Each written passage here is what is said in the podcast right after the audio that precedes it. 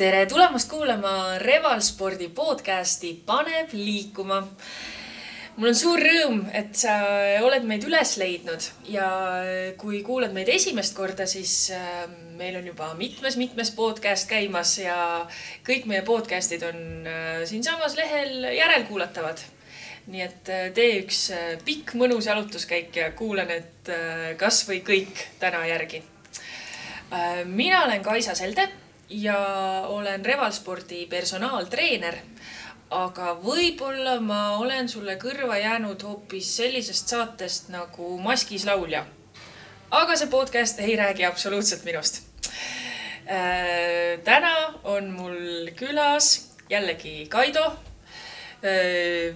väga šarmantne nagu ikka ja nagu äh, eelmine saade pooleli jäi ja lubasin kogu aeg püsida selles toidulisandite teemas, siis ma nüüd jällegi, Kaido, annan sulle lubaduse, et me selles teemas püsime, kuigi sa oled nii põnev inimene, tahaks kõigest ja hästi palju teada saada.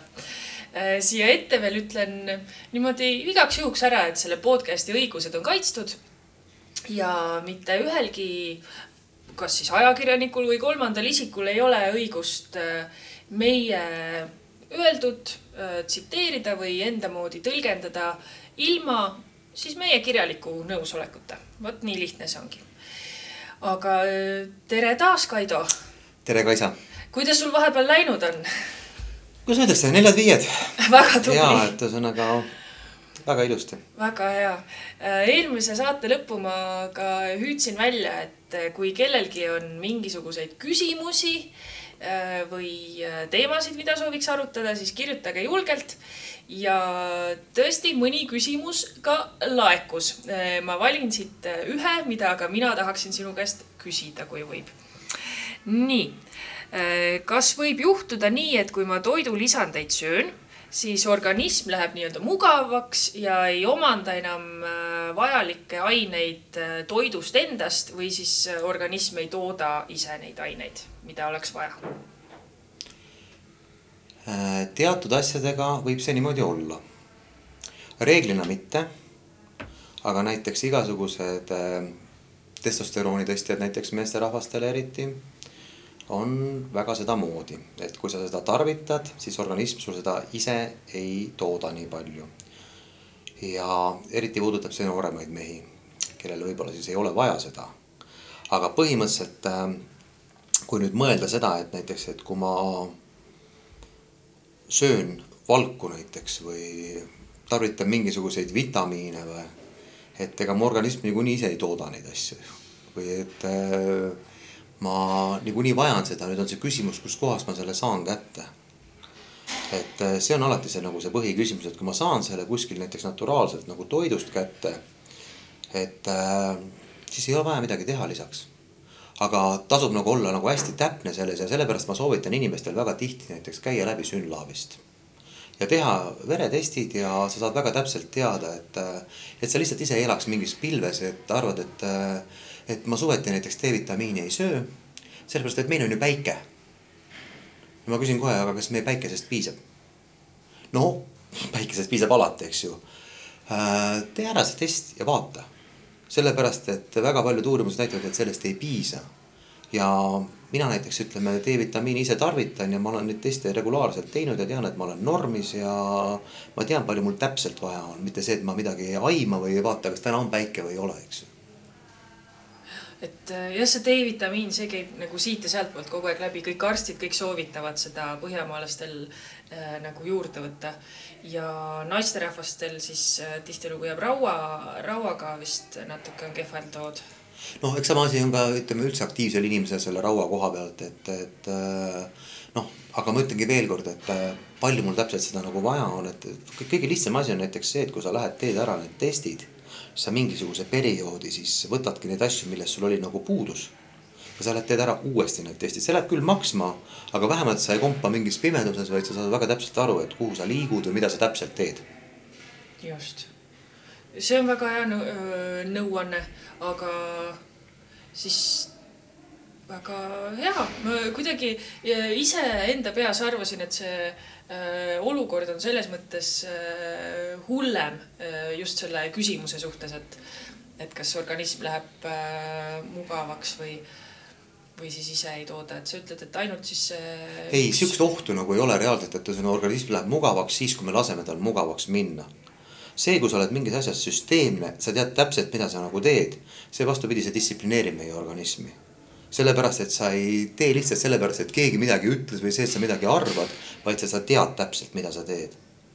organism läheb mugavaks siis, kui sa istud ja sa ei tee midagi. siis ta läheb mugavaks. jah õige, sa panid nii täpselt selle asja paika.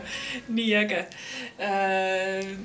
issand, nüüd mul läks küsimus meelest ära, sa ütlesid nii hästi selle äh,. nii, aga, aga äh, kui äh, juba see naiste-meeste teema siia tuli, kas äh, naiste ja meeste toidulisandid on kuidagi erinevad ka? ma tean, et naised peavad, eks ole, rauda rohkem sööma kui mehed Äh, ja veel midagi nipet-näpet, eks ole, ja siis mehed peavad siis vastupidi teisi asju rohkem tarbima.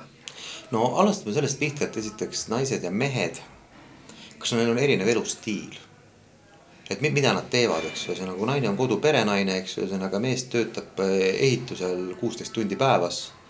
noh, siis on väga erinev graafik ja väga, e-, väga erinevad vajadused et aga kui nad teevad ühesugust asja, siis järgmine asi on see, et palju nad kaaluvad ja et milline on nende üldine aktiivsus sihuke, et et näiteks kogused on kindlasti vastavalt kaalule, eks ju, ikkagi mõeldud ka, et kui ma olen ikka ütleme kuuekümne kilone naisterahvas või saja kahekümne kilone meesterahvas, no siis meil ikka natuke midagi erinevused seal on, eks ju, et noh, on mingid asjad näiteks, mis, mida näiteks naine, kes käib jõusaalis, mida ta võib tarvitada aga näiteks mees, mida ta peaks tarvitama? mis asi see näiteks on? Noh, mina soovitan meestele väga tihti näiteks sellist, ütleme toidulisandit nagu kreatiin. kreatiin monohüdraat, mida ma olen ise mitukümmend aastat tarvitanud ja, ja ta annab väga hea efekti, kui sul on kindlad eesmärgid ja sa tead, mida sa nagu tahad. nüüd naisterahvastele ma seda nii väga ei ole soovitanud.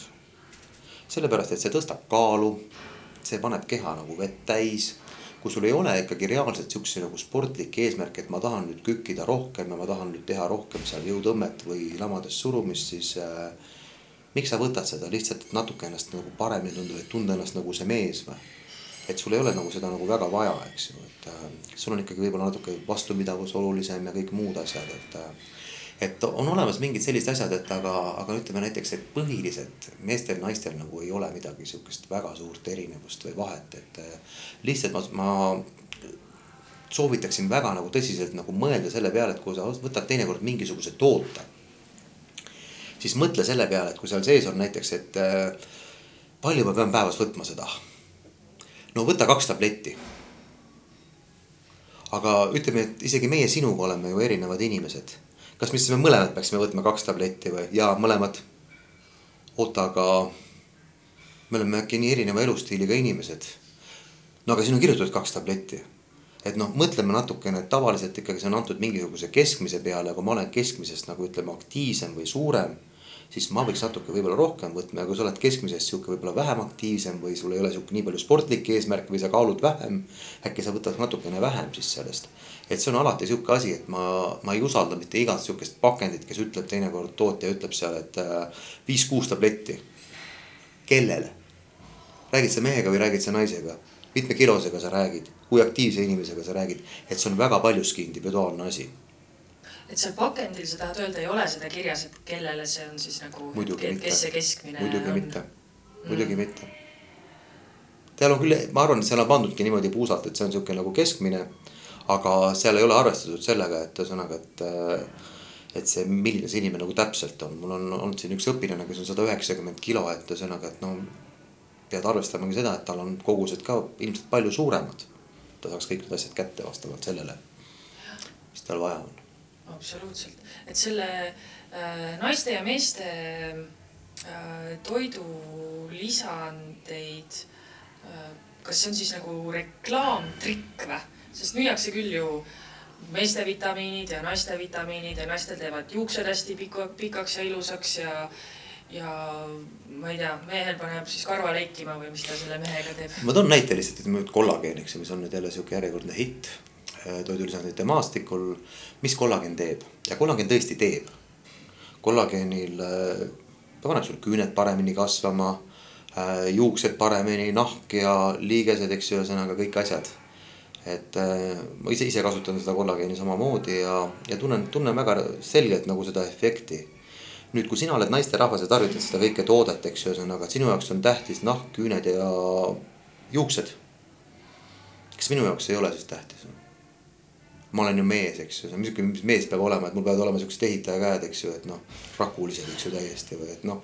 Need on tegelikult need on väga okei okay asjad nagu mõlemale tarvitada, et ei saa öelda, et see on nüüd naiste toode, see on nüüd meeste toode. mis puudutab igasuguseid vitamiinikomplekse, siis tavaliselt, kuidas nad on üles ehitatud, on see, et naistele on pandud see koostis natukene lahjemaks aga kuna need multivitamiinid on üldse sellised, nii et ega seal nüüd nad nii väga tugevad ei ole kellelgi. Ei juhtu ka naisterahval mitte midagi, kui ta võtab näiteks meeste vitamiini. ja ei juhtu tegelikult väga palju ka mehega midagi valesti, kui ta võtab nüüd kogemata naise vitamiini. et kui üks abielupaar elab koos ja hommikul läksid vitamiinid sassi, et nüüd ei ole, päev on rikutud, et tegelikult mõlemad. täpselt niimoodi, eks ühesõnaga hakkab kogu aeg juukseid kammima, eks ju. et mitte midagi ei juhtu seal aga selle, mm, äh, kui kollageenist jälle juttu tuli ja üleüldse ka tegelikult, kui palju ähm, peaks asju võtma nii-öelda kuurina, kui sa ütlesid ka, et paned juba SYNLABis paika, et mida sul on vaja, siis teed selle kuuri. aga, aga üleüldiselt nagu ka, ka teiste, kui ma seda täpselt vereproovi ei ole andnud mm, -hmm. siis kas on mingisuguseid asju, mida ma võin nagu aastaid süüa ja mingid asjad, mis ma võiks noh, nüüd kolm kuud jätan korraks kuu aega pausi ja siis söön edasi. ja mul on väga paljud tooted, mida ma ise niimoodi võtan näiteks ütleme tsüklitena, et eriti kui ma olin veel võistlev sportlane näiteks, et äh, see on ka see, et sa annad organismile vahest nagu natukene puhkust mingitest asjadest kuigi needsamad asjad, mida ma nimetasin, et multivitamiinid, D-vitamiinid, C-vitamiinid on mul aastaringselt peal kaasa arvatud igasugused liigesetoidud, välja arvatud siis, kui mul on treeningutest mingisugune paus. siis ma neid ka hetkel ei võta, hakkan võtma natukene siis, kui ma olen juba selle pausi lõpus, et ma olen proaktiivne mingites asjades. ehk siis, kui nad, mitte siis ma ei hakka sööma, siis tahavad tegelikult äh, kõik toidulisandeid ja küsida, et kuule, et mul on siin õlas väike valu, et mis ma peaksin tegema no nüüd sa peaksid puhkama, eks ju, sa enne oleks pidanud midagi tegema. tead, ma ei saa puhata, mul on siin kahe kuu pärast tulemas võistlus, eks ju, Euroopakad, et see on nagu nii oluline minu jaoks, et noh, hilja peremees, hilja et ühesõnaga nüüd sa oled millegagi nagu pannud, eks ju, ühesõnaga korralikult nagu üle, eks ju. et sellepärast see töö, mis me väga palju ka teeme, on sihuke nagu ennetav. et äh, samamoodi, mis puudutab neid kõiki neid liigeseid või mikspärast mina söön praegu nagu üldse glükosamiini ja ütleme needsamad kollageene kõiki neid asju, et äh, noh, see on ikkagi sihuke nagu proaktiivne töö, et. Äh, et aga näiteks kreatiin, millest ma eelnevalt rääkisin, et kreatiini ma ei tarvita nagu aastaringselt ma tegin mingisugused pausid, kuna ta seob organismis vett, siis ma andsin organismile natukene nüüd aega jälle, et ta läheks sinna tavarežiimi tagasi. igasugused eh, ergutid näiteks enne trenni.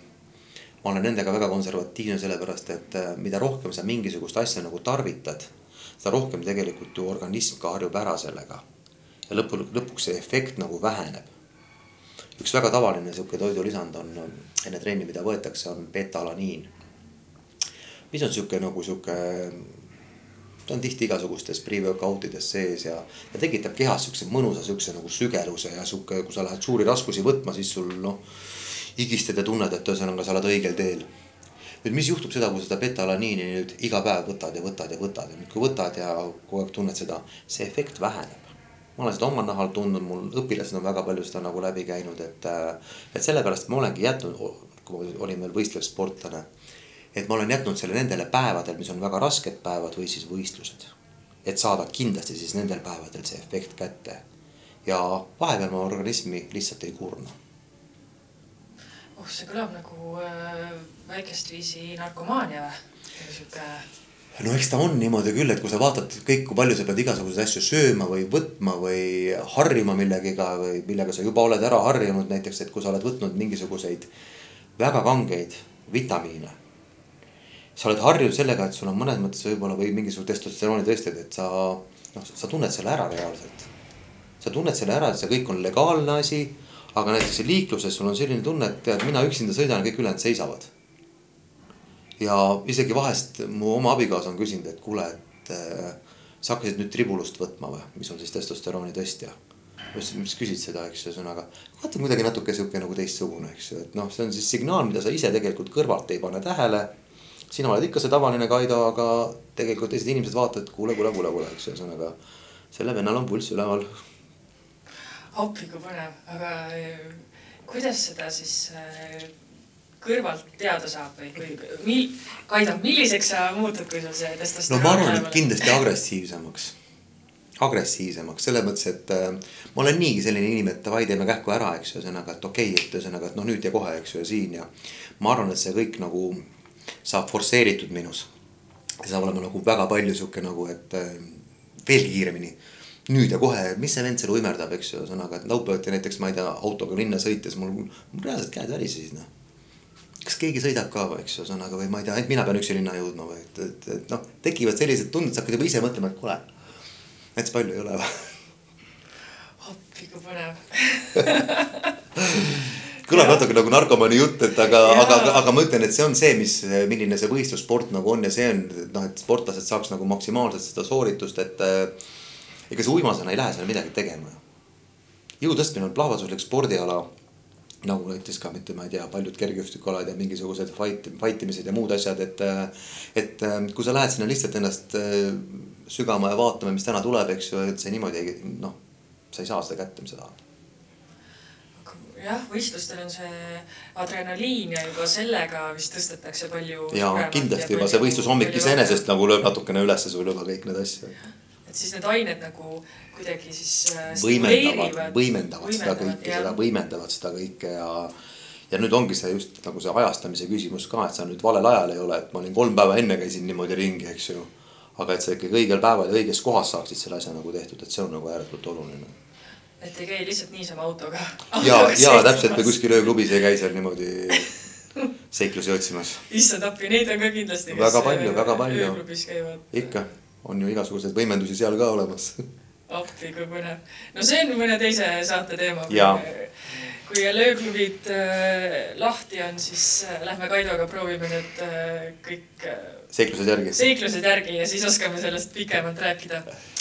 Aga äh, kas äh, toidulisandite maailmas on ka mingisuguseid äh, trende või mingisuguseid selliseid äh,, mis nüüd äh, noh, nagu ma ei tea, juuksuri juurde lähed, nüüd praegu on trendikas täpselt see, see asi ja, ja sihuke toidulisandite maailmas just see, just see, ma ei tea, šokolaadimaitseline valgupulber on praegu in või kas üldse on sellist asja? on, on olemas täpselt, asjad käivad väga tihti nagu lainetena.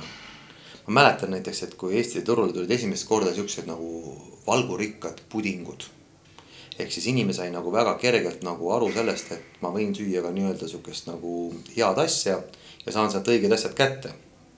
siis ma mäletan, see oli lausa trend kusagil mingisugune kaks aastat, see võib-olla hakkas pihta mingi seitse aastat tagasi, võib-olla mingisugune isegi kaheksa aastat tagasi. kestis oma kaks-kolm aastat. ja inimesed tulidki reaalselt küsima kogu aeg, ütleme seal toidulisandite poodides, et kas teil pudinguid ka on, kas teil selle maitselist pudingut ka, nüüd tuli valge šokolaad välja, et ühesõnaga, kas teil valget šokolaadi, ei ole valget šokolaadi. Hmm.. et ühesõnaga, see oli nagu täiesti sihuke nagu teema. Kui ma räägin nagu ütleme seal hetketeemast, siis kindlasti ütleme kollageen väga erineval kujul. kollageen koos valguga, kollageen koos C-vitamiiniga, kollageen koos MSM-iga. see maitse, teine maitse, naturaalne, need on kõik praegu siuksed asjad, mida ütleme. iga normaalne inimene omab seda, kui sa tahad ikkagi olla nagu rivis, siis sul peab see olema. Et aga need käivad tihti nagu lainetena, kunagi ma mäletan näiteks tribulus, mis on siis testosterooni tõste tuli turule, et kas sa tribulust ei võtagi, ei võta tribulust, et kuidas sa üldse sporti saad siis teha, et. et need asjad käivad niimoodi väga lainetena ja noh, nii huvitav, kui see ka on, et eks nad mingi hetk ka hääbuvad, siis tulevad ka igasugused uued asjad peale.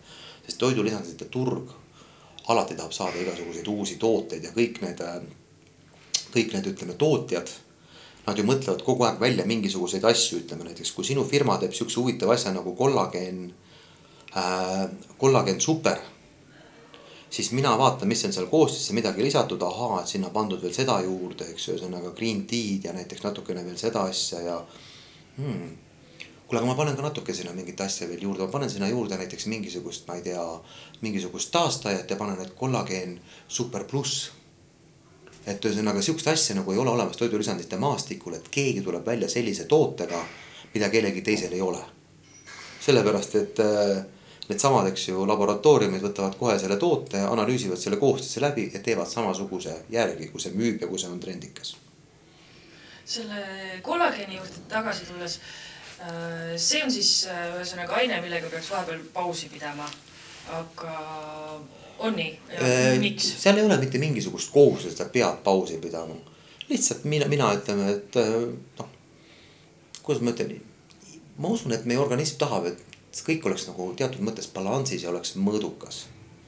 nüüd äh, eluaeg nüüd istuda selle kollageeni otsas, et ma, ma lihtsalt ise ei ole nõus sellega, eks ju. Samamoodi, et ütleme, kas Coca-Colast on nagu hea pausi teha, eks ju, see on nagu jaa, vahest on hea, kasvõi enda pärast, et ma näitan, et see ei ole sõltuvus minu jaoks et ma suudan ilma selleta ka elada, ma suudan mentaalselt sellest lahti lasta, öelda, et näed, mu nahk on ilus ka ilma kollageenita. Või- meie keha ise ju toodab. loomulikult, eks ju, ühesõnaga ja näed, oh imet, eks ju, isegi juuksed ilma kollageenita kasvasid, eks ju, natukene. Et kõik need asjad, et, et ma, ma teeksin ise hea meelega vahest mingisugust asjadest kuskil pausi ja vahest me ju reisime kusagile ja see paus on nagu nii-öelda sunnitud, et miks mitte neid vahest siis ka sisse teha, et öelda nüüd tingimata, et ühesõnaga, et kuidas sa said kaks nädalat pausi teha, kuidas sa kaks kuud pole mitte midagi võtnud. no mitte midagi ei juhtu meiega ju, otseselt, kui just ei ole mingisugust rasket treeningtsüklit või sihukest väga aktiivset perioodi, aga noh, siis me ei reisi tavaliselt. sihuke, aga selle trendi asja juurde tagasi tulles, et kust, kustkohast need tulevad, et kui äh, üks hetk oli hästi trendikas äh, ennast ära teipida Mm -hmm. no see tuli sellest, et äh, sportlased hakkasid seda tegema, võistlustel kõigil olid need roosad teibid ja sebrakarva teibid ja siis kõik jõusaal oli ka täis inimesi, kellel olid kõik kohad teibitud. nüüd enam neid teipe, ma ei tea, mina pole nii väga. no need on ikka, eks ju, aga, aga ma ütlen, et see on jällegi sihuke jah, sul on väga õigus, et kui suunamudija tuleb teibiga kuskile üritusele, siis kõik vaatavad, oh tal on teip, eks ju, ja kui see, kui see teibid nagu ütleme laiemale publikule nagu jõudsid, et kui seal näiteks, ma ei tea, kuskil Brasiilia võrkpallimeeskond, eks ju, on teibitud ja Usain Bolt, Usain Bolt on äh, teibitud, eks ju, siuksed maailma tippatleedid, et äh, noh, inimesed ju otsivad spordis kogu aeg sihukest nagu lisakäiku, et äh, äkki see aitab mind või äkki see lahendab mul äh, selle probleemi ära või et äkki, äkki mul on ka seda vaja, mul ei ole teipi siiamaani olnud. näed, teibiga teen sihukese tulemuse, teibita teen sihukese tulemuse. Samas me ei tea, kui palju see tegelikult on meie enda peas kinni üldse jah, sest äh, uuringud otseselt ei ole näidanud, et see teip midagi. ei ole jah, ma olen seda teipimise asja natukene õppinud ja et aga uuringud ütlevad niimoodi, et kui see aitab sind mentaalselt juba kasvõi ühe protsendi, et siis sa oled juba õigel teel, et ühesõnaga teibi aga. aga noh, sama asi me võime iga muu asjaga teha ka ju, eks ju. jah, täpselt klaas vett enne trenni täpselt niimoodi, see on siuke reegel, eks ju, nagu toasooja vett, eks ju, ütleme mitte, mitte külma vett, eks ju. Jah, et see, nagu, kui see nagu niimoodi veel, eks ju, inimest mõjutab, siis ähm, jah, just, et see teibi asi on selline nagu äh, visuaalne, mida on siis väga äh, kerge siis äh, nagu jälgida, aga kuidas siis need äh, teised trendid, see kollageen ja, ja noh, puding oli võib-olla nii uus asi, et sellepärast ta läks äh,, on niisugune trendi asi. aga kuidas need teised asjad siis trendi asjadeks äh, kujunevad? No kuidas nad tavaliselt kujunevad selleks, et äh, esiteks on kindlasti tänapäeval sihuke hästi levinud nagu ütleme lause, et äh, siin on ju teadus taga. keegi ütleb siukse lause välja, mingi eriti veel sihuke nagu ütleme arvamusliider, ütleme näiteks, ma ei tea. Krist-, Cristiano Ronaldo näiteks ütleme, kes on sihuke tuntud nägu ja sihuke reklaaminägu, tema võtaks midagi, ükskõik mis asja kätte täna, ütleks, et ühesõnaga. sõbrad, ma olen juba nii vana. mul on jäänud mängida kaks aastat, aga ma tahan teha seda kvaliteetselt. ma ei sööks niisama tooteid, aga seda ma söön sellepärast, et ma tahan veel viimase MM-tiitli võita. ja kui ta ütleb sellise lause ära usu mind, eks ühesõnaga seal tekib sihuke järgijaskond. seal tekib siuksed firmad, kes võtavad temaga ühendust, et kuule, Cristiano, kas sa äkki viitsid ka meile teha selles, selle, selle raames mingisuguse väikse promo, et. et eks ta on niimoodi tõstetud nagu ülesse ja kui me vaatame täna näiteks, kui palju näiteks on promotud viimasel ajal D-vitamiini. Sedasama kollageeni, et äh, et piisab sellest, kui mingisugune arst või mingisugune laboratooriumi juhataja ütleb, et jah, ta on tõesti hüdrolüüsitud ta on täiesti puhas, ta on täiesti kahjutu ja jah, see aitab kaasa. kaheksakümmend protsenti inimesi, see on müüdud. jaa, niimoodi kõrvalt kuulates jah, ega sa kunagi ju ei tea, mis äh, sponsordiilid ja asjad tegelikult juba algselt sellel sportlasel on. jaa äh, no loomulikult, eks ju, tema saab selle eest nagu raha ja ütleme kõik, kes seal nagu seda asja nagu niimoodi nagu promovad, et aga.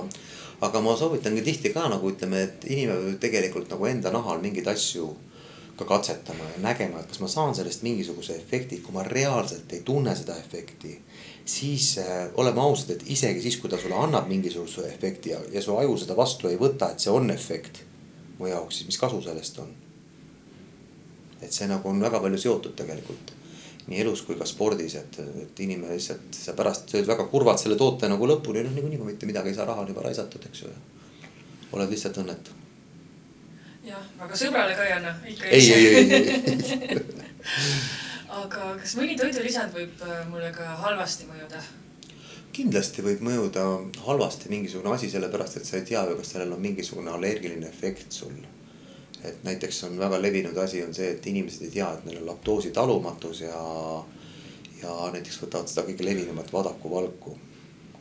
ja see mõjub nende tervisele kehvasti ja seedimisele kehvasti igale poole ja siis tekibki inimese jaoks nagu küsimus, et midagi on nagu valesti, eks ju, aga valesti on see, et sul on laktoositalumatus ja noh, neid allergiaid on tegelikult ju väga palju inimestel, mis see võib nagu mõjutada, see ei pruugi ainult olla ju isegi mitte toidulisand, vaid see võib olla mingisugune täitsa tavaline toiduaine, eks ju tea, minul on samamoodi pähklite peale näiteks sama asi ja ega ma enne sellest aru ei saanud, kui ma sõin pähklit, eks ju, ja. ja mitte see, et see pähkel on nüüd paha, eks ju, ühesõnaga, et minu organism reageerib temaga mitte nii nagu peaks ja midagi pole teha. väldin seda sorti pähklit. Aga kas äh, nüüd ikkagi läheb nii negatiivseks läheb see jutt, et ikkagi surgin, et kas midagi võib halvasti minna, aga kas võib ka halvasti mõjuda äh, hoopis äkki mingisugune kooslus mingisugune äh, internet on ka täis tegelikult seda, et mida nüüd koos võib süüa, mida koos ei või süüa. mingisugused asjad devalveerivad teineteist. kas see vastab kõik tõele? no kindlasti on mingisugused asjad, kus kohas nagu tuleb aru saada, et kui ma seda teen, siis ma juba naturaalselt, eks ühesõnaga see sööb mul seda. noh, lihtne asi on see, et kui ma söön mingit rasvapõletajat, kas ma rasvapõletajat võin võtta koos valguga noh, sa pead ühest asjast nagu aru saama, et ühesõnaga, et kui see rasvapõletajal, iga asjal on ju toimeaine olemas. kui selle rasvapõletaja toimeaine on nüüd kofeiin, mis kirjeldab su ainevahetust ja viib kehast välja igasuguseid asju, siis ta viib ka seda valku nüüd välja koos, eks ju.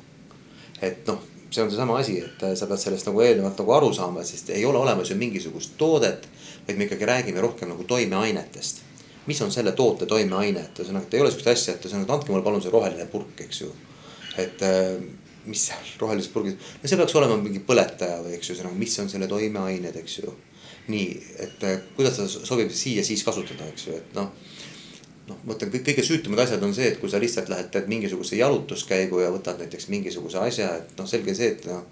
näiteks vahest inimesed küsivad, et kas ma enne trenni näiteks võin võtta äh, valku ja näiteks äh, mingit ergutit jällegi mul on sihuke nagu ütleb kõik, kogu mõistus, et äh, see ei lähe kokku omavahel. seda tulla enne trenni ergas. aga valk on ju söök, ta on toidukorra asendaja, eks ju, ta on taastaja. Et äh, põhimõtteliselt sa nagu tahad siis enne kõhu täis süüa ja tulla trenni. ja olla veel, eks ju, ühesõnaga, et noh, nad ei lähe omavahel nagu selles mõttes nagu kokku, et äh, sa pead nagu natuke mõtlema, mis hetkel no, ma nagu midagi nagu teen. aga mis asjad veel kokku ei lähe? noh, ma ütlen, et võib-olla eelkõige mingisugused asjad, et on hästi individuaalsed, et inimene näiteks ta. noh, ma mõtlen, et kõik need asjad, mis ütleme näiteks sama asi, et äh, me ei pea ju rääkima rasvapõletajast. Vaid me räägime sellest samast, ma ei tea, kas rohelisest teest või kohvist. samamoodi viivad äh, organismist igasuguseid häid asju välja. et noh, ma ise olen väga sihuke kohvisõber, et äh, see ei tähenda nüüd seda, et ma nüüd ei söö või. seda ma proovin vältida, aga ma vaatan, millal ma midagi teen et, äh, et aga noh. hiljaaegu ma vaatasin siukest, ütleme toidulisandit endale nagu niatsiin ja ma nägin, et see niatsiin ei sobi mulle lihtsalt. Kuna mul tekkis mingisugune allergiline reaktsioon. ma proovisin seda, et ma ei võtnud teisi vitamiine samal ajal, võtsin ainult seda niatsiini. ja see niatsiin ikkagi tekitas mulle seda ja ma lihtsalt ei võta seda ja kõik. ja mu elu mitte midagi nagu ei juhtu. midagi ei muutu. mis asja see niatsiin teeb? nii et siin on niimoodi, et äh, kui mul oli see, see oli veel mingisugune vast äkki mingi aasta tagasi või. mul oli kaal suur, mul hästi palju igasuguseid toidulisandeid peal ja ma tegin jälle endale järjekordse testi ja. Ja siis ma sain mingisugused Synlabist mingisuguse tagasiside, et ühesõnaga, et mul on seal mingisugune noh, vererõhk oli seal kõrge ja. ja maks oli, maksanäitajad olid seal piiri peal ja nii edasi, et et ma mõtlesin, et ühesõnaga ma pean midagi kõrvale võtma ka samamoodi, et ühesõnaga neid asju nagu tasakaalustada ja stabiliseerida, eks ja see nii, et siin oligi konkreetselt nagu maksa jaoks kõige sihuke nagu ütleme hea sihuke nagu tasakaalustatud, ta ei sobinud mulle lihtsalt ja kõik. Küsimuse ma lahendasin ära hoopis teistmoodi, et siis ma elasin selle perioodi nagu lõpuni ja lihtsalt nüüd on mu vererõhu näitajad ja kõik muud asjad on ilusti nagu paigas, kuna see kaal ka nihkus sinna paika, kus ta pidi nihkuma. ehk siis äh tahtsid natuke kinni mätsida seda äh, algset probleemi. jah, võib-olla ka ennast rahustada, et ühesõnaga, et näed, ei ole probleemi, kui sa sööd seda või teist sinna veel peale, et aga, aga noh. mis näitab veel kord, et võib-olla kõige naturaalsem, et mingisugune, ütleme sihuke nagu asi, kui sa elad sihukest tasakaalustatud elu.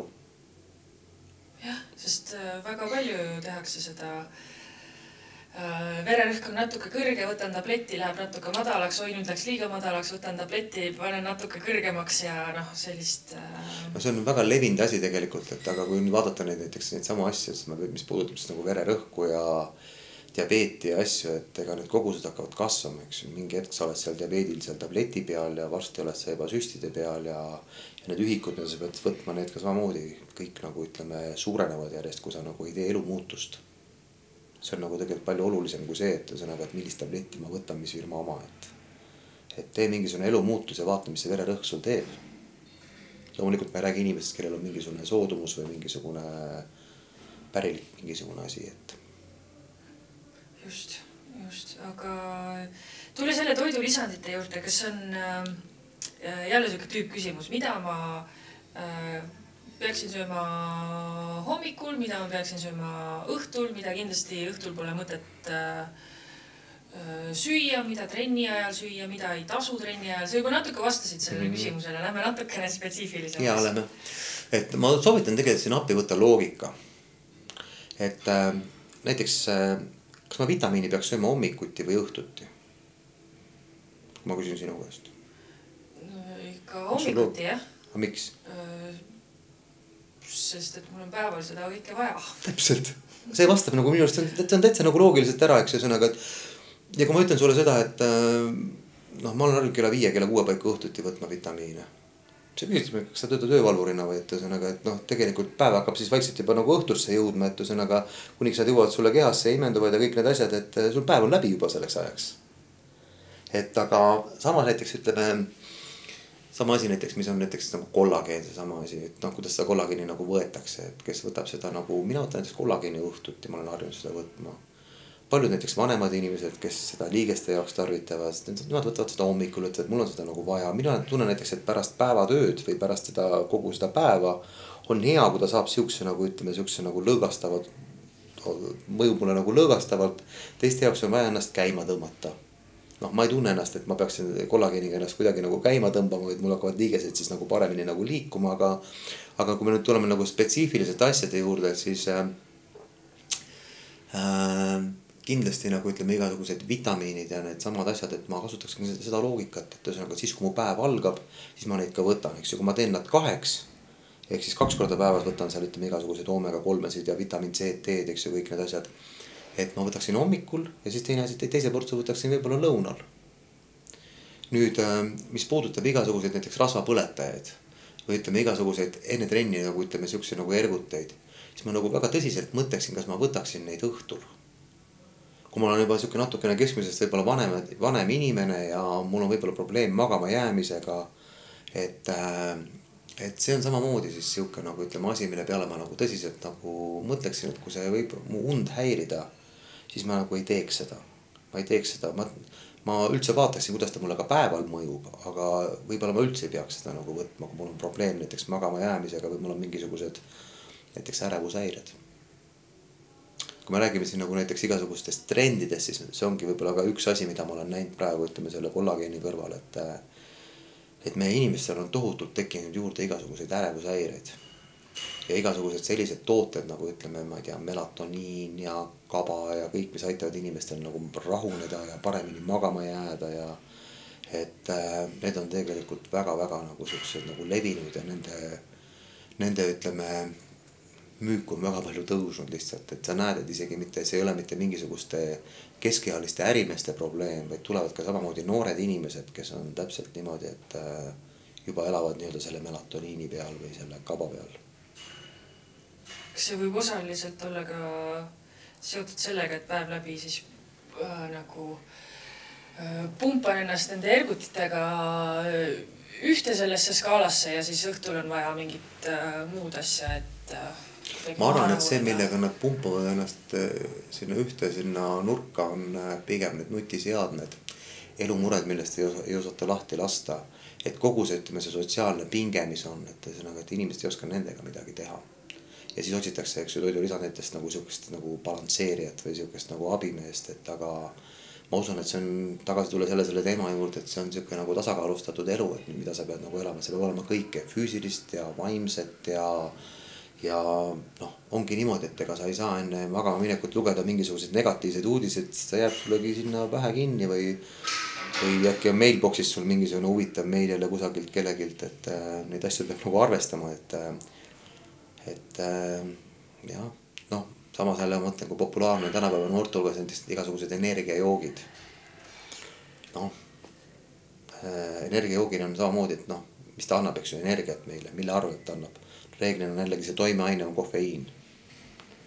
ja kofeiin on jälle see, mis tõmbab sind nagu ülesse, eks ju, ühesõnaga ja pole mõtet ju ennast tõmmata ülesse, kui sa niikuinii magama ei jää või jääd raskesti nagu magama jah, kui sa lükkad mingit arvutimängu, sul on korraks võib-olla hea sellest, ilm on punnis, eks ju, et aga see avaldab su organismile tegelikult negatiivset nagu mõju. oh, mida siis teha, tulla trenni, panna telefon kappi ära ja. kindlasti, kindlasti trenni ajal ära palun, eks ju, ma ei tea, vasta töökõnedele ja leia enda jaoks see aeg, sellepärast et su trenn ei ole efektiivne.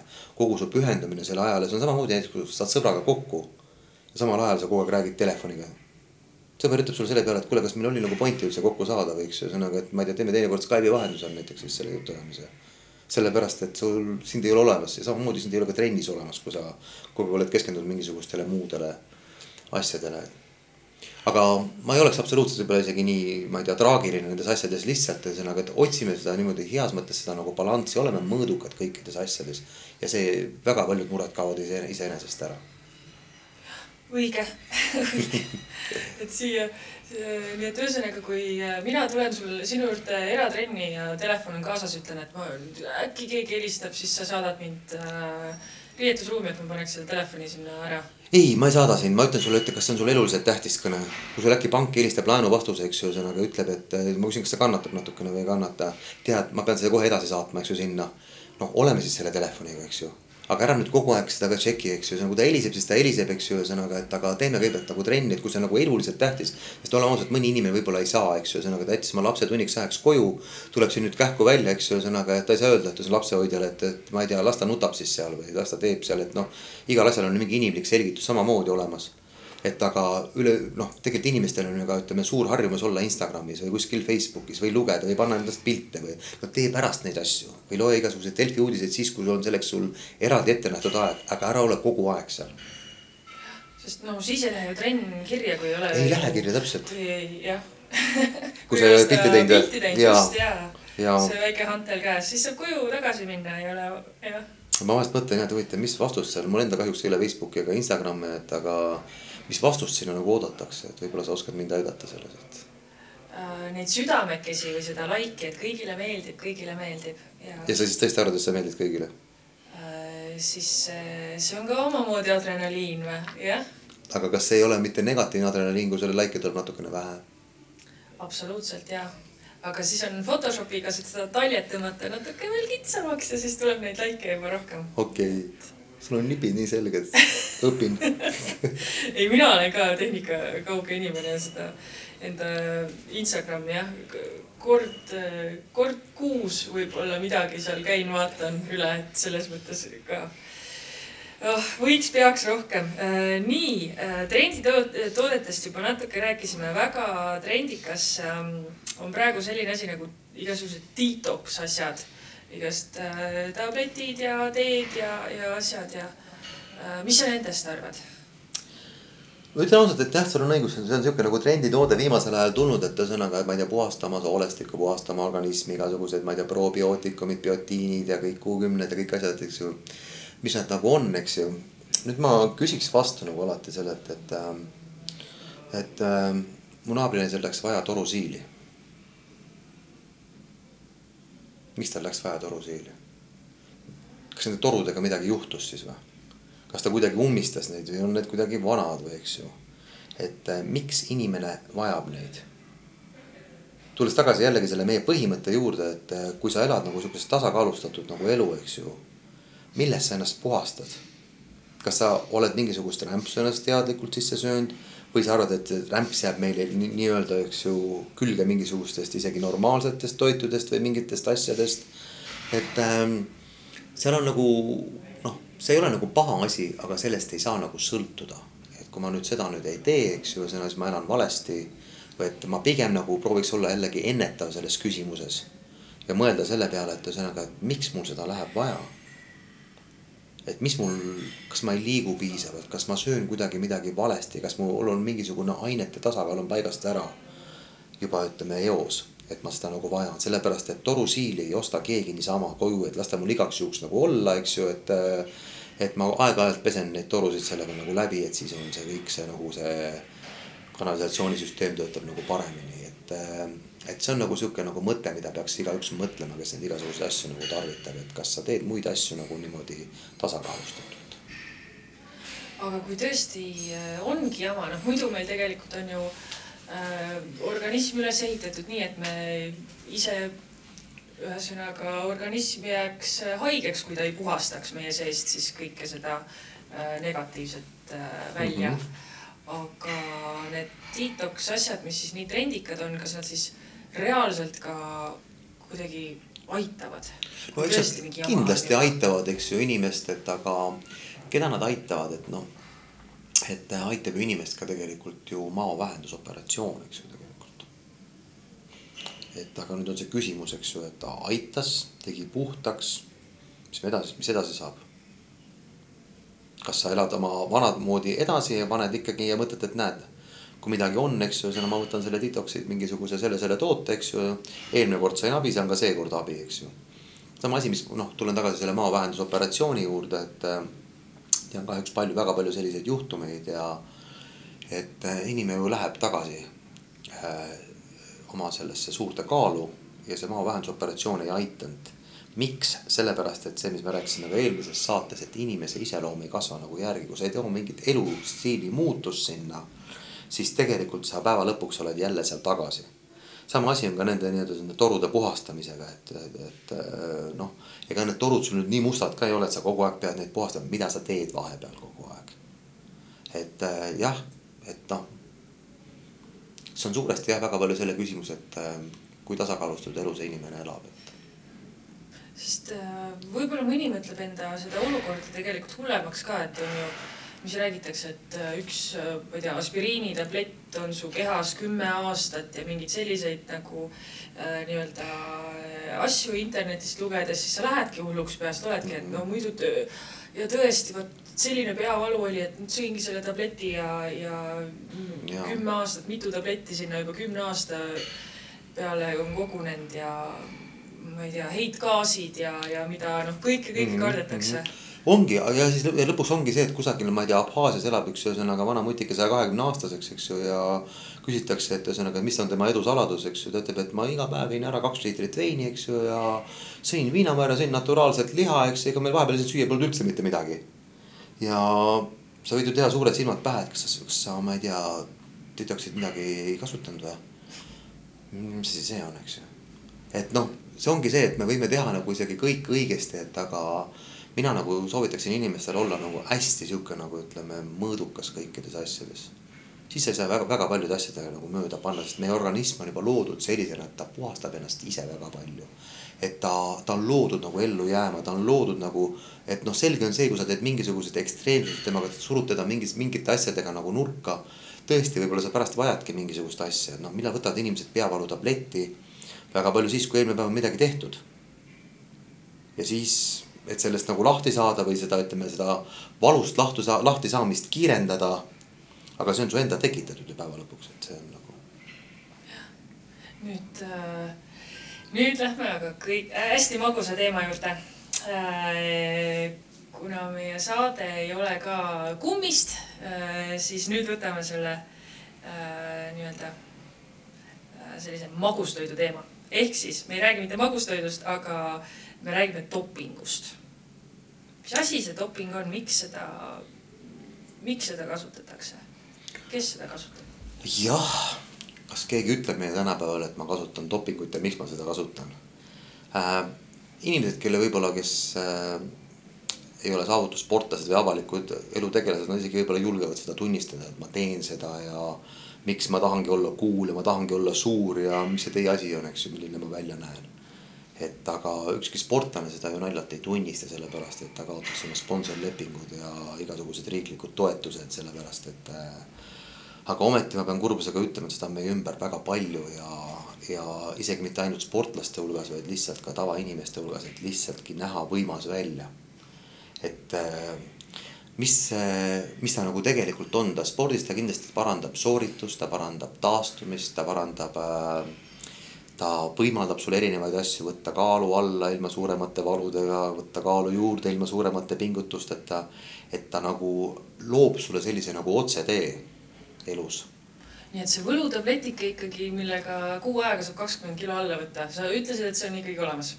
ta on olemas keelatud kujul ja kui mõelda natukene seda dopingu ajalugu, et kust see doping siis inimesteni nagu jõudis, et kas tõesti mingi kuri geenius kuskil seal laboratooriumis leiutas seda pisikest tabletikest, siis tegelikult selle algne mõte on see tulnud ju tegelikult meditsiinist. et kui inimesed olid seal esimeses või teises maailmasõjas ja said haavata ja nad saadeti kuskile hospidali, siis noh väga suur kulu on neid seal üleval pidada ja põhiasi on see, et ta saaks selle inimese kiiresti tagasi sinna rindele või kuskile saata et, et kõik need kiirendavaid protsesse just siis nagu hakati nagu eriti nagu välja töötama ja. ja juba kuuekümnendatel aastatel tuli siis see nagu juba viiekümnendatel tegelikult, aga prooviti ja katsetati seda, aga kuuekümnendatel on ta siis sporti tulnud nagu väga jõuliselt nagu sisse ja. ja noh, kontrollitakse juba kusagil võib-olla alates kaheksakümnendatest neid asju, et aga, aga jah, ma ütleks, et see on nagu sihuke kiirendaja ja otsetee aga mis, mis hinnaga see tuleb mulle? vot see ongi see huvitav asi, et sa kunagi ei tea, mis hinnaga see tuleb sul. et äh, võib küll öelda, et iga asja kohta, et ma teen seda targalt. või ma teen seda targal juhtimisel, sa mitte kunagi ei tea, eks ju, ühesõnaga võib-olla sul mingisugune vähk oleks jõudnud sinuni kuuekümne kaheksandal eluaastal. see, et sa nüüd forsseerisid oma organismi, jõudis ta su juurde kolmekümne kaheksandal eluaastal et need on kõik sellised asjad, mille pärast ma alati ütlen oma õpilastele, oma lähiringkonnale, kõikidele, et hoidke sellest võimalikult kaugele. kas äh, mõni õpilane on tulnud sinu käest küsima ka? et Ja. äh, kas niimoodi, kust saaks või leti alt ikka kuidagi saab ju? noh, minu käest otseselt ei ole tulnud nagu dopingut küsima, aga küll ma ütlen ausalt, et ma olen ise ka selle tee nagu enda peas läbi käinud, kuna ma olin võistlev sportlane juba ja ja ma tahtsin ühel hetkel nagu lihtsalt äh,. ma nägin, mis mu ümber toimus, Eestis ei tehtud veel siis jõu tõstmises dopingukontrolle. ma tahtsin ka ise, et ühesõnaga, et ma olen noh, ma ükskord näitan neile. ma neile lihtsalt ükskord näitan, kuule, kui siis panen kõigil suud kinni, eks ju, ja õnneks mul oli sihuke tark inimene kõrval, kes ütles mulle see hetk, et kuule, ära tee seda. ära lihtsalt tee seda, sellepärast et äh, kui sa ükskord teed seda sa ei saa enam mitte kunagi elus öelda, et sa pole seda kunagi teinud. ja kui sa seda kunagi teinud, siis pole vahet, kui palju sa seda teinud oled ju. üks on üks kord teinud, teine on sada korda teinud, eks kõik on teinud, eks ju. aga et see oli nagu minu jaoks sihuke nagu, nädal aega ma praadisin ennast ja sain sellest nagu välja. aga õpilased minu käest ei ole tulnud küsima, küll ma olen oma raskejõustiku tiimis pidanud äh, hüvasti jätma kusagil nelja-viie inimesega, kes on otsustanud seda teed minna ja kes on seda siiski teinud et noh, meil ei saa olla niimoodi, et meil kusagil on seltskonnas keegi selline inimene, kes äh, seda teeb, sellepärast et noh. siis järelikult teevad ju kõik seda, järelikult see on lubatud, järelikult see on aktsepteeritud. küll aga on mu juurde saalis tulnud päris paljud inimesed, kes on teinekord küsinud, et kuule, et äh, kas sul ei ole seda, on poes käidud meil äh, on tuldud mulle pakkuma, kes ei tea võib-olla minu sihukest nagu ütleme alaliidu tausta või mingit sellist, et kuule, et äkki et kui sa tahad, et mul on siin Venemaaga üks kanal sisse seatud, et ühesõnaga, et ütle ainult, et siin on nimekiri, mida oleks kõike vaja, et äh, noh, järelikult me ei ole väga head tuttavad, kui ta sihukese asjaga nagu tuleb nagu laivi. aga jah, et see on, see on väga tõsine asi tegelikult. aga kui natuke nüüd äh, niimoodi fantaseerida äh,. mis sa arvad, mis äh, mis sust oleks saanud, kui sa oleksid seda dopingut toona proovinud? ma ei tea seda, ma arvan seda, et igal inimesel on olemas sihuke nagu moraalikompass. ma olin juba see hetk nagu võistlev sportlane. ja ma oleks läinud teadlikult reeglitega vastuollu. ja üks stsenaarium on kindlasti see, et sa harjud selle asjaga ära. sa saad sealt mingisuguse kiire efekti ja mida ütleb meie inimloomus, eks ju, ma tahan seda veel ja veel kogeda, ma tahan seda veelgi võimsana kogeda. kas on veel mingeid aineid, eks ju, ühesõnaga noh, ma tegelikult olen selle piiri niikuinii juba ära rikkunud, eks ju, mis vahet seal enam on. et ähm, äh, ma kardan seda, et ühesõnaga, et see võib olla sihuke nagu minek, et läks, ma ei tea, läks, läksid pulgad nagu trumm ka, eks ju. Pole vahet enam, eks ju. et aga lihtsalt ma ütlen tagantjärgi, ma olin siis ka sihuke suht noor ja roheline, et äh, ma lihtsalt olen tänulik sellele inimesele, kes peatas mind see hetk ja ütles, et ühesõnaga, et kuule, ära ole loll, päriselt, eks ju, ühesõnaga, kas sa oled valmis nendeks maksakahjustusteks, kas sa oled valmis nendeks südamekahjustuseks või igasugusteks muudeks asjadeks. et äh, ma olen selle koha pealt õnnelik inimene ja noh, ma olen püüdnud ka sama võib-olla siin samas Revalis ja raskejõustikuseltskonnas propageerida, et ühesõnaga, et see on see, mida me usume see on see, mille järgi me peaksime minema, sellepärast et noh, noortele inimestele näiteks noh, ma ütlen, et kas sa oled kindel, et sa saad veel isaks kunagi? sa oled kindel, et millised lapsed sul tulevad, võib-olla sul sünnivad kaelkirjakud, ei teagi seda, eks ju. keegi, keegi ei saa sulle mingisugust garantiisid nagu anda, eks ju, ühesõnaga. ja mina kui treener tegelikult, ma olen ju, ma olen ju mõjuisik sellele noorele inimesele või sellele õpilasele, eks ju, et kui mina ütlen, ah tead, mis vahet on, tal kõik niikuinii panevad, eks ju, ühesõnaga loe lehte, eks ju, ühesõnaga siis äh, võib-olla see lähebki niimoodi. kui mina olen see, kes ütleb talle stopp, siis on vähemalt keegi ta elus, kes ütleb talle stopp. võib-olla ta ei kuula mind, võib-olla ta läheb ja teeb seda salaja. ka sihukest asja on olnud ja me oleme lahku läinud, eks ju. inimene ikkagi valib selle tee ja, aga on ka neid, kes on öelnud mulle lihtsalt, et ma nüüd lähen ma olen sellega arvestanud, eks ju, ma tean, ma ei, me, me, me enam nagu koos ei ole. ma olen selle tee nagu teadlikult valinud ja noh, polegi midagi teha, aga noh, mul on hea meel öelda, et võib-olla see protsent on väga väike tegelikult, see võib olla mingisugune üks kuni kolm protsenti ma pakun välja minu sellest äh, lähikonnast, kellega ma olen kokku puutunud nagu sporditeel või juhendanud või olnud treener või olnud nagu treeningkaaslane. aga kui ka sina need äh, äh, noormehed siis ära saadad, siis äh, kuskil kellegi juures nad ikkagi ju teevad trenni edasi noh, ma arvangi seda, et eks nad tavaliselt ikkagi lähevad sellistesse kohtadesse, kus kohas on neid rohkem et ikkagi meid ju tõmbavad väga liigikaaslased ja et noh, et äh, seal ma ei pea kellelegi midagi õigustama, seal ma ei pea kellelegi midagi põhjendama. ma olen otsinud võistlusteks sellise liiga, kus kohas keegi mind ei kontrolli või kus keegi mind, ma ei tea, ei pane puhuma ütleme niimoodi, et äh, noh, see on nagu see asi, kus need inimesed nagu lähevad ja kaovad, et äh, noh. on ka selliseid inimesi olnud näiteks mu tutvusringkonnas, kes on kunagi teinud ja tulnud pärast tagasi, ütlesid, küll ma olin loll küll ma löön, ma tahtsin lihtsalt efekti saada, ma jäin seda venda kuulama, ma jäin seda venda uskuma. ma tegingi selle ära ja näe, mis ma sain endale juurde, eks ju, ühesõnaga. mul oli maksaga probleeme, mul oli südamega probleeme, mul oli see, et ühesõnaga ma ei saanud oma aknast lahti, eks ju, ja kõikidest muudest asjadest, mida see võib tekitada, eks ju, et noh. et see on tegelikult kurb, et, et teinekord võib-olla see müüja või see diiler räägib sulle siukse muinasjutu kokku ja, ja noh. kui ma ise olin noor sportlane, kui palju mind prooviti veenda sellest siinsamas saaliski, eks ju. kas see on tänapäeval ka aktiivne teema? tänapäeval see on rohkem nagu nii-öelda nagu häbiasi, et äh, tunnistada või näha või näiteks ütleme noh noh, mina olen võib-olla nii kaua jõusaalis käinud, et ma näen inimesele peale vaadates juba, et kas tal on sellega probleem, kas ta on see riskirühm või on ta konkreetselt nagu tarvitaja, et aga. tänapäeval keegi ei käi nagu uhkelt niimoodi ringi, et ühesõnaga, et mina nagu teen seda, so what, eks ju et pigem nagu inimesed ikkagi varjavad seda natukene ja peidavad seda ja proovivad seda kuskil teha niimoodi võib-olla mikrokogustega, need on tänapäeval siuksed nagu trendid selles valdkonnas. aga sina vaatad peale ja näed tegelikult kohe ära, kas asi on õige või ei ole? no ma näen ära, kui midagi, ütleme noh, see kogemuslik pool ütleb nii palju ära, et noh, näiteks ütleme, et inimene on nagu nii reljeefne ja tal on kuidagi nagu nii lihas välja joonistunud ja nüüd on kaks varianti. Kas ta on keemik, tarvitab dopingut või ta tõesti, eks ju, ühesõnaga käib toidukarp käes ringi, eks ju, ühesõnaga sööb regulaarselt, jälgib kõiki neid, eks ju, mikrosid, makrosid ja kõiki asju seal. tal on kõik see asi täpselt paigas või on tal, eks ju, ühesõnaga, ma ei tea, erakordselt äh, ma ei tea, andekas äh, ainevahetuses, mingis muus sellises asjas, et, äh, et kusagil peab olema mingisugune nagu ütleme, selgitus. Noh, on, on loomulikult konkreetsed asjad, kus, mille järgi ma näen ära, kuidas siin, mis inimene võib-olla on võtnud või teinud, eks ju, et. et need on siuksed nagu asjad, mis ütleme aja jooksul lihtsalt torkavad silma, ütleme seal ja sa saadki aru, et seda niisama ei teki. kas äh, mingisugune sihuke nagu hall ala on ka mingisugustest ainetest, mis ei ole nagu päris doping, aga ta ei ole ka sihuke. On ikka, on ikka, on niimoodi näiteks, et on riigiti mingi asi näiteks siin ära keelatud, seal ei ole keelatud. ja et see on nagu ütleme keelatud, aga ta ei tea, mis mahus ta on keelatud.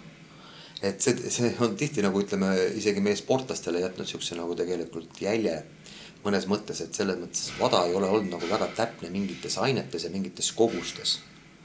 ja mis puudutab nagu ütleme nüüd sportlast konkreetselt, siis noh, mina soovitan seda piire mitte kunagi proovida. ja isegi mitte vaadata, et kas ma nüüd saan sealt null koma null null üks juurde, eks ju, ühesõnaga vaata, äkki sa pead massööri juurde hoopis minema, eks ju. saad sealt, eks ju, ühesõnaga kaks protsenti juurde, mitte siit, eks ju, riskides. sellepärast, et selle mõju, mis võib olla, on inimene paneb kõik kaalule, oma karjääri, oma medalid, oma isiklikku elu tegelikult. kui seal midagi peaks minema nagu valesti. Ja noh, ma ise olen Eestis, eks ju, olnud äh, kõige enim teste andnud jõutõstja. ja ma tean seda, et sa sööd ikkagi mingisuguseid vitamiine ja testosterooni tõstjaid ja annad selle dopinguproovi ja ega ikka vahest muretsed ja mõtled, aga äkki aga mis siis, kui, eks ju, ühesõnaga tekivad alati sellised mõtted inimesel ja ütled, no ei saa ju midagi olla, eks ju, see on ju kõik täitsa sihuke nagu lubatud ainete nimekirjas ja ma ei ole mitte midagi sellist teinud ja ikka tulevad sellised mõtted, aga äkki midagi kuskil. Ja kusagil on, ma olen täitsa kindel, et selliseid asju on ka kusagil juhtunud spordis, et keegi on midagi.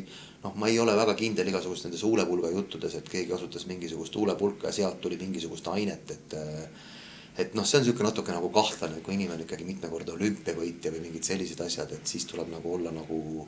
sa pead ise olema väga täpne nendes asjades, et äh, sa tead, et sa lähed ju kontrolli, et noh. sa pead ju vaatama, mis huulepulka sa kasutad, eks ju, et. Et sihuke väike vihje oli ka siis Heiki Nabile jah? ei, äh, see oli tegelikult äh, Norra naissuusataja pihta. oli, tema kasutas seda huulepulka, et äh, see tasub sellega olla väga ette, Itaaliast ostis ja tšekk oli kõik olemas, eks ju, et aga.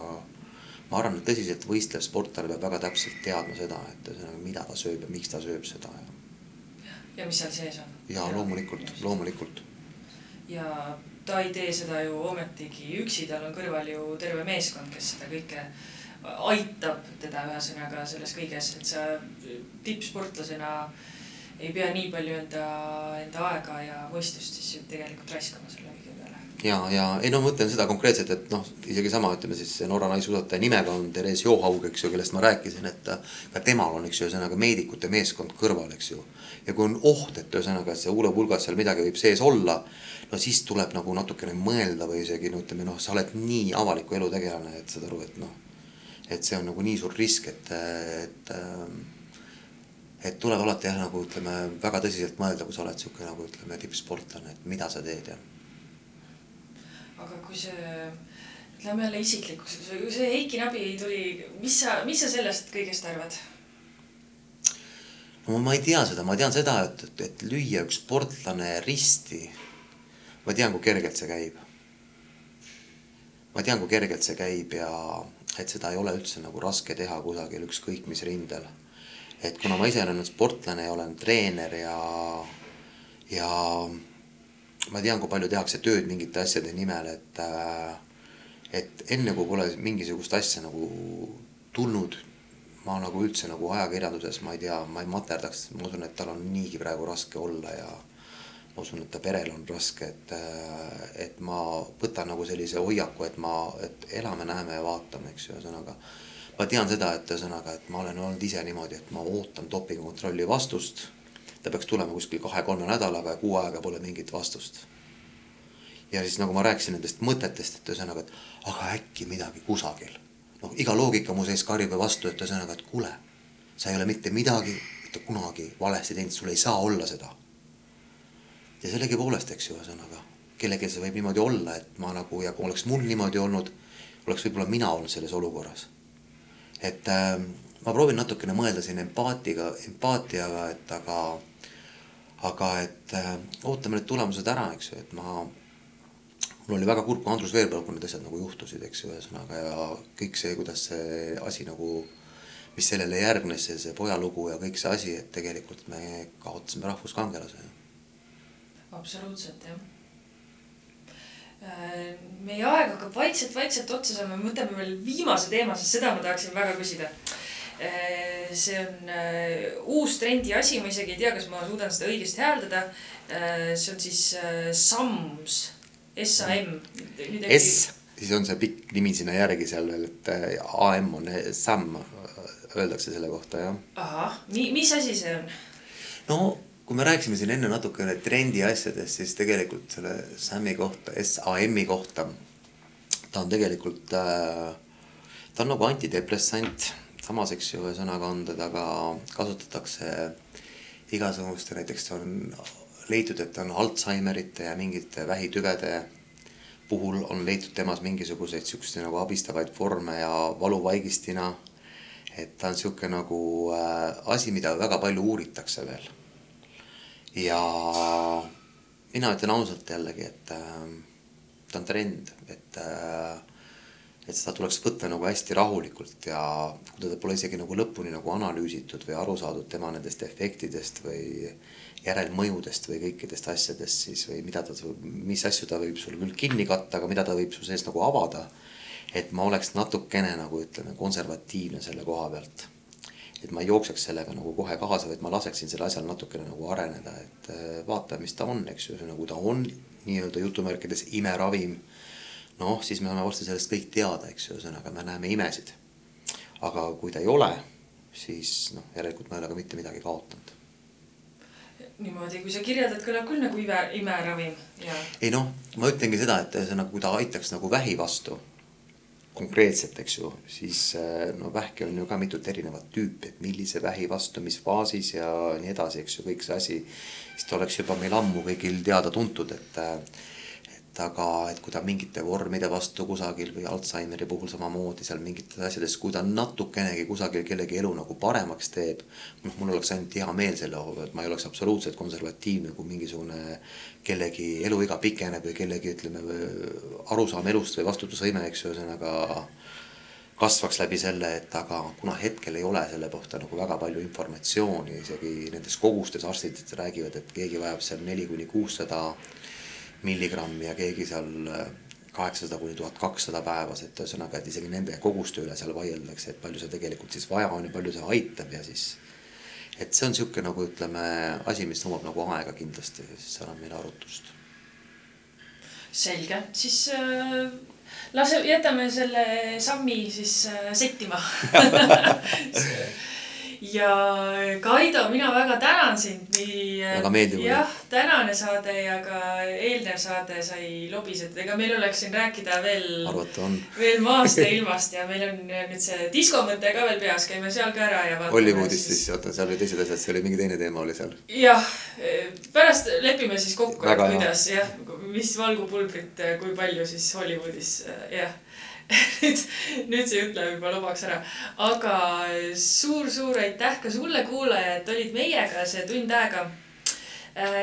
ja kui sa juba mõtled tulevikule ja mõtled, et kes mul järgmine kord küll külas on, siis selle ma jätan täiesti sinu otsustada. mõtle, anna mulle teada, mis teemad sind huvitavad ja, ja kes võiks sellest rääkima tulla võid kirjutada nii Revalspordile kui ka mulle otse jään su kirju ootama. seniks aga äh, paneme liikuma ja olge kõik tublid